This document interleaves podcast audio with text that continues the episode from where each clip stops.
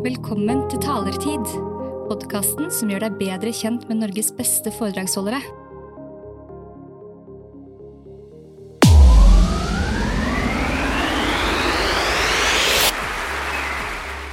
Wow. Rune Bjerke, du har vært leder i DNB og flere andre steder, og en av de tingene du jobbet mye med i DNB, var jo nettopp utvikling og innovasjon. Hva er egentlig innovasjon? Ja, det er eh, internasjonalt over 100, kanskje 1000 definisjoner på akkurat det ordet, men jeg er veldig fan av det derre det enkle er ofte det beste.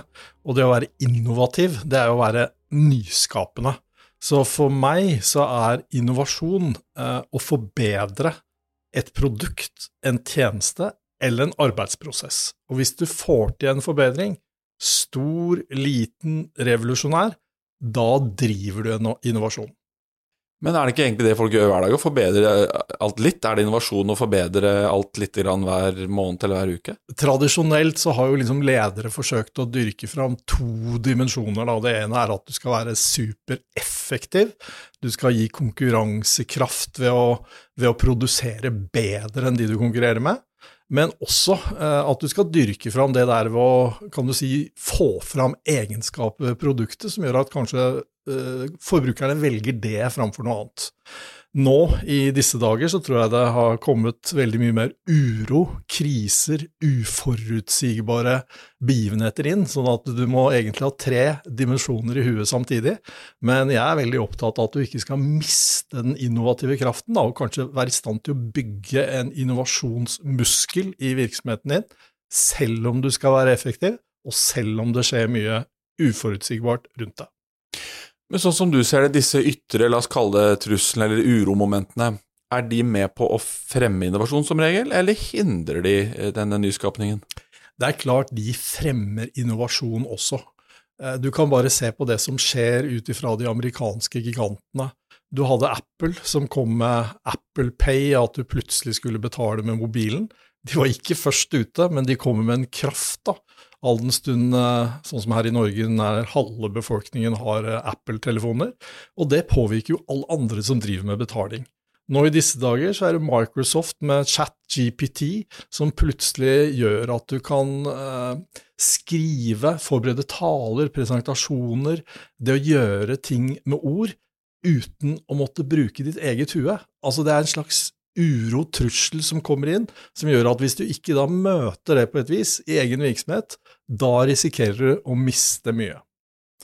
Så trusler utenfra kan være bra for en kultur? Ja, det er jo et eh, begrep som heter 'never waste a good crisis', og det er jo egentlig eh, det er jo et begrep som egentlig jeg tror er viktig å ha i, i hodet bestandig, fordi det er klart at det er mye vanskelig å drive endring i rolig farvann enn det er å drive endring når det er eh, uro, trusler, eh, en form for kriseforståelse, eller en brennende plattform, da, som man bruker i fagterminologien. Mm.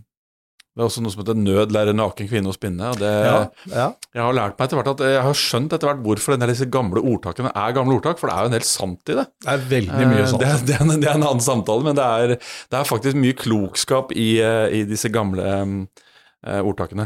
Du jobbet med en kjent norsk innovasjon, nemlig VIPS, altså betalingsløsning, da du var leder i, i, DNB.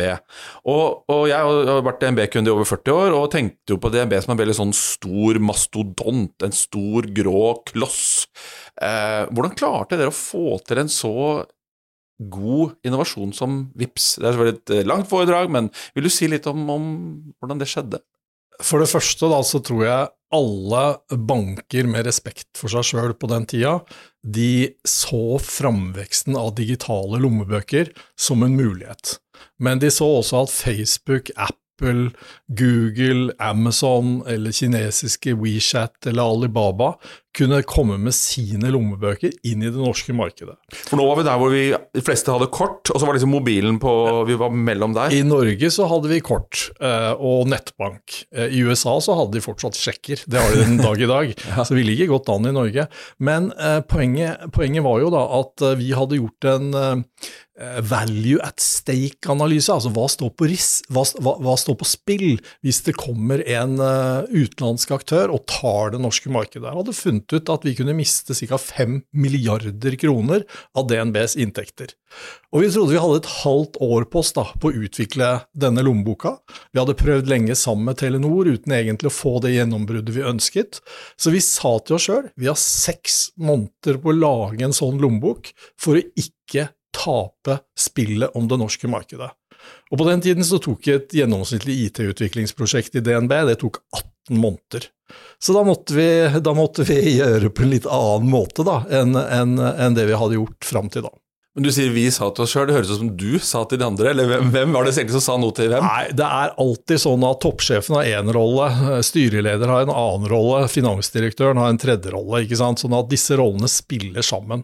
Jeg var med på et lag som eh, bidro til å få VIPS ut i markedet på seks måneder. Det gjorde vi fordi vi flytta folk med forskjellig fagkunnskap ut av den tradisjonelle linjen satt dem i en egen organisatorisk enhet og sa lag denne lommeboka. Dere kan bruke det som er nødvendig å bruke, vi har ikke noen forretningsplan, men dere skal vite at dere har ledelsen og styret i ryggen. Så kjør på. Og så mangla det jo litt folk, da, for riktignok hadde vi mange flinke utviklere og den type ting i DNB, men vi skjønte at vi måtte ha hjelp utenfra, og fikk eh, eh, konsulentbistand da, fra Tata Consulting Services, masse indere, som hjalp de beste folka hos oss på tvers av fagdisipliner. Og så klarte de å få ut en slags digital lommebok da på seks måneder, og da tror jeg det tok én måned fra uh, slutten av mai 2014 til vi hadde én million nedlastinger. Hvordan var stemningen i DNB i denne perioden, hvor da denne cellen jobbet intenst, og dere andre visste jo sikkert litt om det. Hvordan var stemningen der? Den var blandet, ikke sant. Fordi når du skal gjøre én ting, eller skal gi en eller ett prosjekt prioritet framfor alt annet, da må du stoppe mye av det andre du driver med.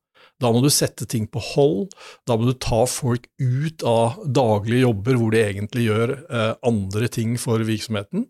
Det er aldri populært. Dessuten så blir det jo litt sånn, hva i huleste er det de driver med, disse folka i det prosjektet, for dette skulle jo være hemmelig eh, langt veien. Eh, så underveis så var det mye murring, mistenksomhet, uro, usikkerhet. Men når babyen var skapt, da, når VIPS kom ut i markedet og når det ble en suksess, så klarte vi da å få et eierskap bak suksesshistorien som tilhørte alle. Så det var liksom ikke de bare 20, 30, 40, 50 pluss uh, utenfra eksterne krefter som hadde skapt det. Det var hele organisasjonen. For alle de som da hadde gitt avkall på ressurser, som hadde utsatt prosjekter, alle de Eh, hadde jo også bidratt på sin måte. Og, eh, og dermed så blei det noe som, som, som, virkelig ga en boost i eh, selvtillit. Og kulturen i DNB fikk en form for kraft da, som ikke jeg hadde opplevd før i min tid. Men det må ha vært spennende for deg som leder. Det, kan du huske noen gang hvor du tenkte nei, vi gir opp, eller hvor du liksom var, var ja, frustre ekstra frustrert, eller? Jeg var jo frustrert fordi vi så konkurrentene der ute. Danske Bank hadde vært tidligere ute i Danmark med sin lommebok. Vi visste at de var på vei inn i det norske markedet. Vi så at Apple Pay Altså Den gang så hadde de ikke ordentlig lansert eh, internasjonalt engang. Vi så at de lanserte internasjonalt, og vi visste at de kunne rulle ut dette over hele verden. Så frustrasjonen besto av at vi ikke skulle få til dette raskt nok. da. Og jeg tror eh, både, både undertegnede og alle i ledergruppa var jo på eh, dette prosjektet hver dag da, for å støtte, for å spørre om det var noe vi kunne gjøre for å hjelpe, for å forsikre oss om at de følte at de hadde selvtillit, at liksom vi, vi ga dem på en måte lederskyv da, på veien, sånn at, uh, sånn at de virkelig skulle gi, gi jernet fram til dette var en realitet, og vips blei en realitet. Og det er jo fantastisk gøy i dag å se at det er 4,5 millioner brukere i Norge, at de har fått det til eh, gjennom å fusjonere med MobilePay i Danmark, som var en storebror, som i dag er en lillebror, eh, og se da at alle norske banker er med på eiersiden av dette, som da var en DNB-baby. Det det er morsomt å se på. Så er det en innovasjon som har kommet liksom helt ut til idrettslag, til bestemødre, til barn som vipser til hverandre, altså Ja, dette startet jo som en eh, vennebetalingstjeneste, og vi måtte faktisk betale to kroner og 36 øre hver gang noen vipset til en annen i begynnelsen. Så du skjønner at vi, vi blødde en del kroner i starten. Men så utviklet seg jo da til å bli at man tok papirfakturaene bort. ikke sant? Du betalte fakturaer med VIPS. Så blei det at du kunne bruke det til å betale med i butikker eller i butikkenes eh, egne opprettede eh, nettilbud. Og i dag så er det e-handel da, som uh, gjør at VIPS fortsetter å vokse, og det er jo innenfor det området de tjener penger, og, og etter hvert skal uh, forhåpentligvis lykkes ordentlig internasjonalt. Så tenker jeg at det, det er mange positive ting med Vipps. Det har også gjort eh, betaling mer oversiktlig. Når jeg handler på korpset sitt loppemarked, den nabolaget jeg bor, så har jo hver avdeling forskjellig Vipps-konto. Klær, eh, bøker osv. Så, videre. så da får du for det første er kontantene borte, og det er sikkert bra på mange måter. Og for det andre så ser de hva de tjener penger på, så det har mange sånne side effects. da. Altså Det morsomste i starten, det var jo når vi fikk Norske kirke med på laget, og du kunne liksom da eh, gi kollekten via VIPS. Og jeg opplevde en gudstjeneste hvor presten tok en pause midt i gudstjenesten for å sørge for at folk da fikk tid nok til å vippse. Og det var jo særlig det der kirkepublikummet som ikke akkurat har så innmari lav gjennomsnittsalder. De brukte jo litt tid på vippsinga, da. Men det var jo også det beviset på, på, at VIPS har en helt annen og bred plattform for anvendelse enn det vi startet med. Men det husker jeg faktisk, jeg har gått til kirken i hvert fall på julaften siden jeg var veldig liten, og før var det disse posene, disse bøssene som ble sendt rundt, ikke sant, og vi puttet sedler oppi. Jeg husker jeg hadde med 200 kroner på julaften og sånn. Men utover på 2000-tallet så ble jo det færre og færre som hadde kontanter, for det var gjerne kort. Og kirken hadde jo ikke kortterminal, så der, jeg antar at den innovasjonen og den overgangen der har vært veldig viktig for kirken. Ja, og det er, det er jo dette, man tror jo at kontanter er gratis, men det med å, å ha alt haslet med kontanter, du skal frakte dem, du skal telle dem, du skal oppbevare dem, eh, du skal sørge for å liksom ha en uh, rute inn i banken for disse kontantene, det koster mye penger. Akkurat som i USA så koster det forferdelig mye penger å skrive ut disse 15 milliardene med sjekker i året. Altså jeg, jeg mente å høre at det eh, amerikanske postverket hadde 20% av sine inntekter bare på sjekker som blei sendt rundt i posten. Og det sier jo liksom hva du kan få til ved å innovere, da. Og det driver de med fortsatt? Det, det, det driver de med fortsatt. Det går nok litt nedover, Ja. men, eh, men eh, jeg skal love deg at det er ikke mye sjekkinntekter på posten i Norge. For jeg studerte i USA i 1994, og da var det mye sjekkskriving. Vi skal litt tilbake til eh, to ting, dette med ledelse, og skal snakke litt om kommunikasjon. fordi jeg lurer på, Da dere da holdt på å innovere med VIPS, dere hadde denne organisasjonen, det var seks måneder, de jobbet som bare det for å få det til. Hva slags kommunikasjonsrutiner og kanaler var det fra de som jobbet i prosjekt, og de som jobbet i la oss kalle det drift, resten av banken? Husker du, Kan du si noe om det? Det var sånn at de som jobbet med drift, som var med i VIPS-prosjektet For vi hadde jo folk som jobbet med drift i prosjektet, vi hadde folk som jobbet med marketing i prosjektet, vi hadde folk som jobbet med design. altså Vi hadde alle fagdisipliner i prosjektet, og de levde jo sammen hver dag mens dette arbeidet pågikk. Og så hadde ledelsen av prosjektet de hadde fri adgang til ledelsen i banken eh, og kunne når som helst eh, komme inn eh, til styret og levere status, eller også få boost fra styret. For du trenger i et sånt prosjekt da, hvor det er mye risiko Det kunne jo gått fryktelig gærent. altså Det kunne blitt en flopp, og det kunne bare blitt en stor, stor utgiftspost og, og ingen, ingen digital lommebok ut av det. Sånn at du, du trenger liksom litt sånn støtte på vei nå for å ha trua, og for å få kraft i det arbeidet du driver med. da. Du har vært med å skrive en bok som heter Innovasjonskapasitet, hvor det handler bl.a. om det vi snakker om nå, hvordan få til innovasjon. Og Der leste jeg at eh, Nokia de var jo godt inne på tanken om smarttelefon da den kom på begynnelsen av 2000-tallet. Eh, Men de klarte ikke å få det til. Og en av grunnene er jo at de hadde et slags eh, tak, eller et gulv, mellom da mellomledere og ledere. Det var ikke en kultur for kommunikasjon. Hvor viktig er det å ha den der åpenheten og delingskulturen og sånn i, i sånne innovasjonsprosjekter? Jeg tror det å ha eh, åpen flyt av innovasjon på tvers av eh, hierarkiet, altså det å kunne vite at du kommuniserer med mer enn nivå over deg eller nivå under deg, det er utrolig viktig.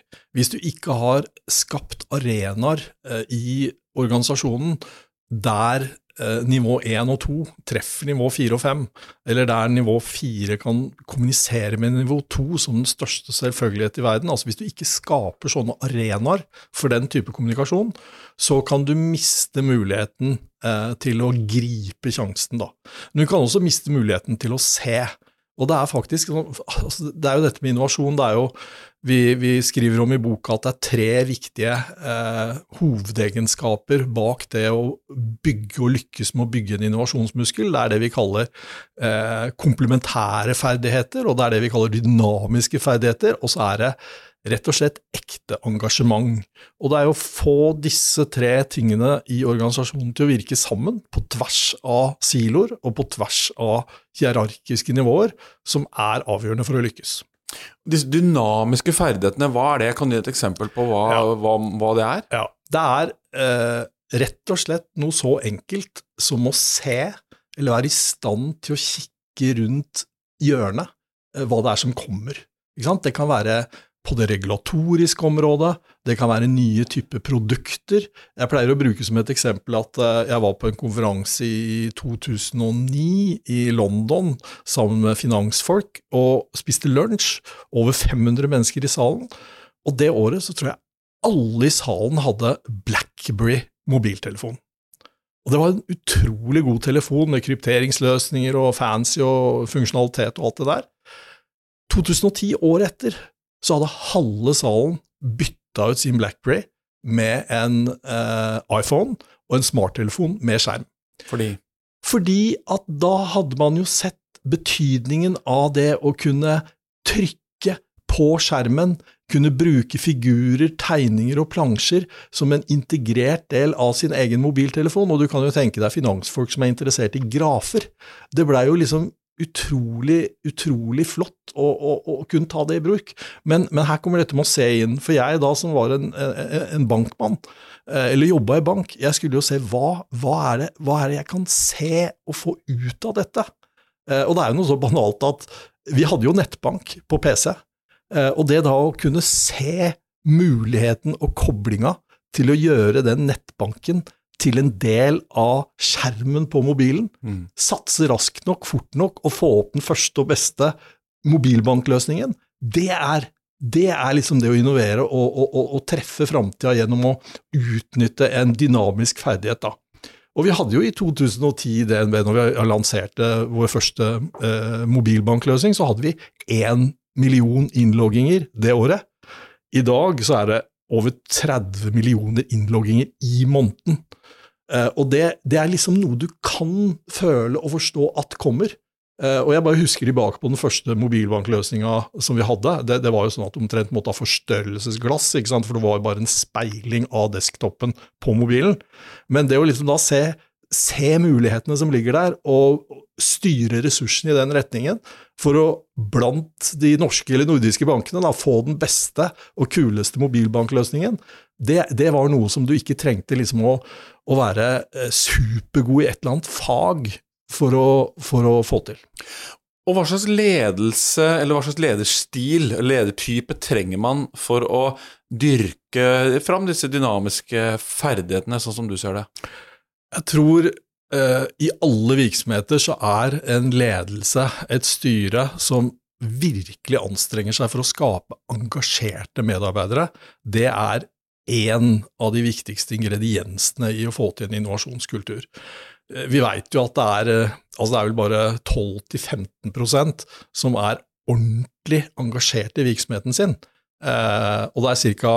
dobbelt så mange, altså nær 25% som er aktivt uengasjert i virksomheten sin. Og det å få det berget i midten, altså de rundt 65% av medarbeiderne som er litt engasjert, passe interessert. Det å få dem til liksom virkelig å være tent på det man driver med, det, det, det har en tendens til å hjelpe. da. Eh, og det går an med systematisk eh, diskusjon, tenkning og aktiviteter utforma av en ledergruppe, å framelske eller dyrke fram det i større grad. Men da du var leder i DNB i 12-13 år, um, hva brukte du mest tid på, sånn i praksis? Når du liksom hadde dine 8-10-12 timer på jobben, hva, hva, gjorde, hva gjorde, du? Gjorde du mest av? ikke sant, det er jo det er veldig ulikt fra måned til måned, uke til uke, år til år, men noe av det aller viktigste er rett og slett å være i god kommunikasjon med de du jobber sammen med. da. Eh, og uh, jeg spiste lunsj med han som er sjef i VIPS i dag, da, Rune Garborg, og han, han sa liksom hva, hva, hva, Han hadde prøvd å tenke hva er det som kjennetegna kulturen vår, eh, og det vi følte i den der mest kreative fasen, og han, han, hadde to begreper. da. Han hadde for det første varme, som ett begrep, men så brukte han også ordet råskap. Og jeg var ikke helt sikker på om jeg likte liksom det der ordet råskap uh, til å begynne med. Men så, så, går det jo an å se at råskap det dreier seg om liksom det der å være litt gæren. Det der å sette litt, litt bolde ambisjoner og mål.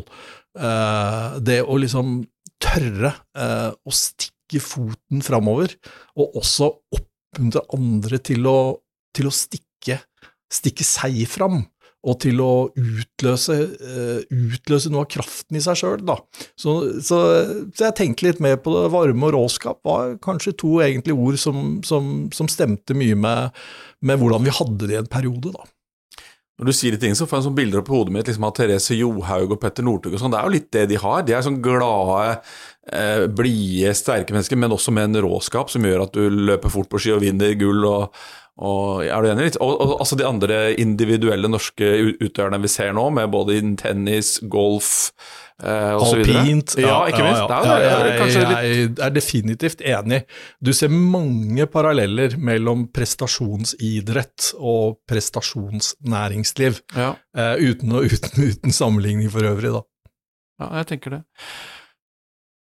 Hvis eh, man, noen som hører på nå tenker at jeg vil gjerne få til mer innovasjon i min bedrift, eh, min virksomhet, hva er det som er liksom de største hindrene eller, eller eh, fellene man kan gå i for å Hvis man ikke lykkes, eller man, Det var et dårlig spørsmål. Hvilke ting må man unngå hvis du skal skape god innovasjon?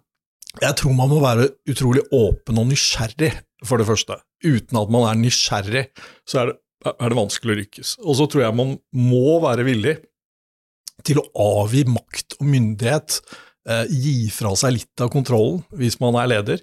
Fordi eh, eh, det er ingen tvil om at det å, det å delegere makt, myndighet og ansvar, at det kan, det kan gi en boost til de som får det delegert.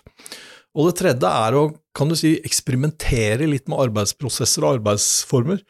I dag skal jo alt være så agilt, og det, det, er mye bra i det. Men det viktigste tror jeg er at eh, innenfor de muligheter og særegenheter som er i hver organisasjon, så går det an å, det an å teste litt på, på, justeringer av organisasjonsstrukturen og arbeidsprosessene.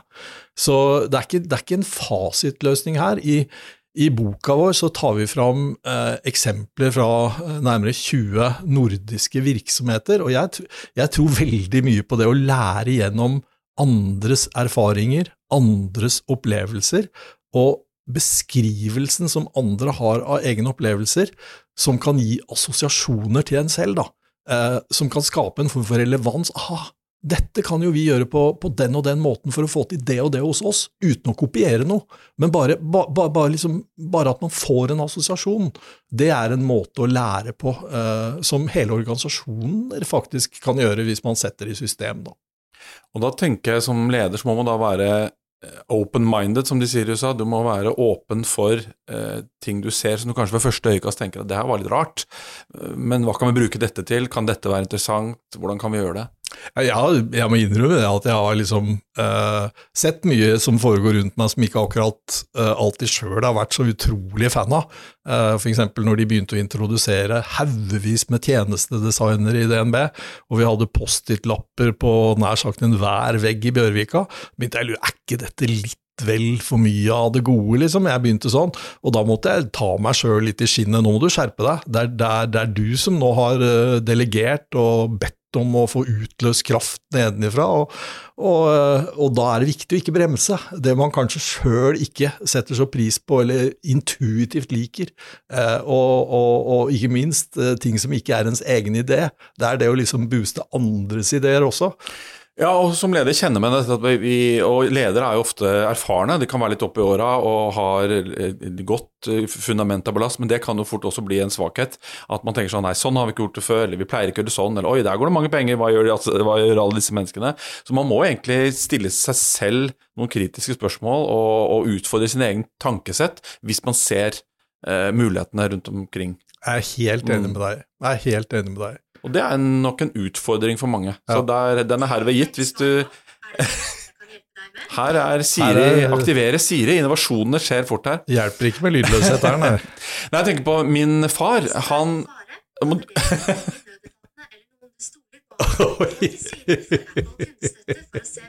Du skjønner hvorfor vi var redd for Apple i sin tid? Min far var eh, open-minded, og jeg husker da jeg var ganske ung, jeg var tolv år gammel, så drev han med eh, vinimport.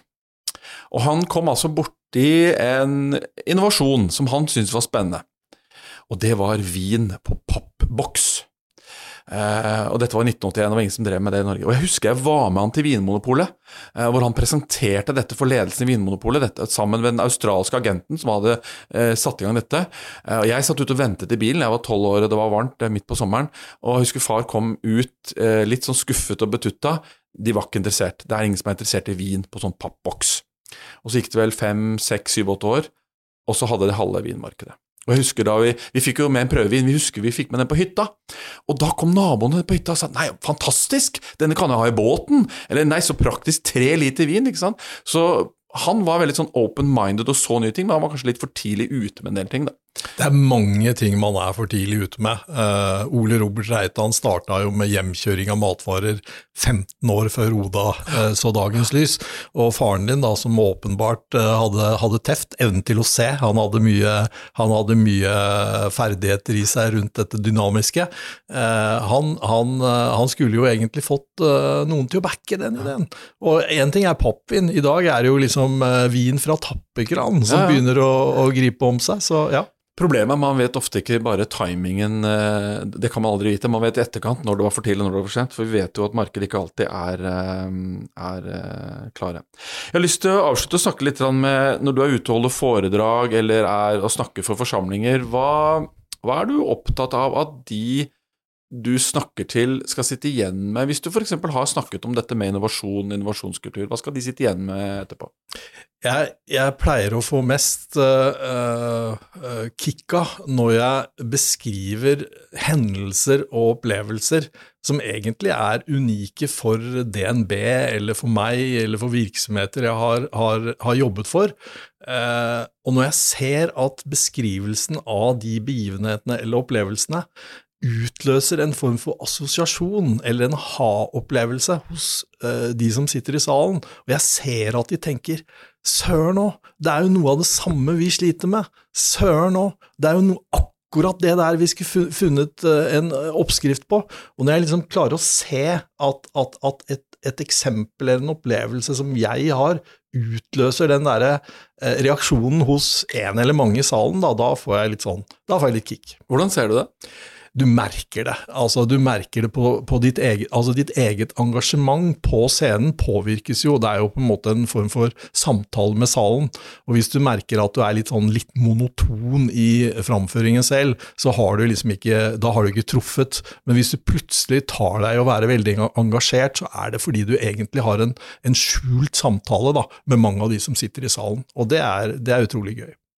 Nå har du gått inn i en litt roligere livsfase med styreverv og konsulentoppdrag og foredrag og sånn. Har du noen innovasjoner på gang i ditt privatliv eller jobbliv som du vil snakke om? Nei, altså jeg, ikke sant, som da eh, ikke operativ leder lenger, så ser jeg på det som en av mine viktigste oppgaver å holde meg noenlunde oppdatert. Da. Så jeg er utrolig takknemlig for at jeg har, og har hatt, eh, kontakt med eh, Norges handelshøyskole.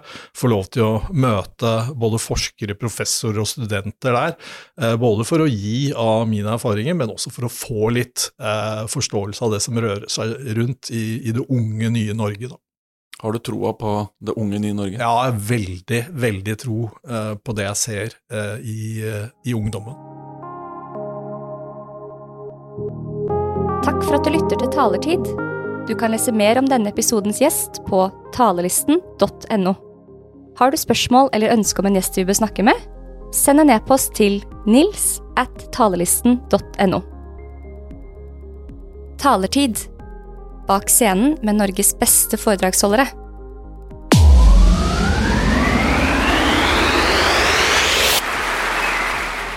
Wow.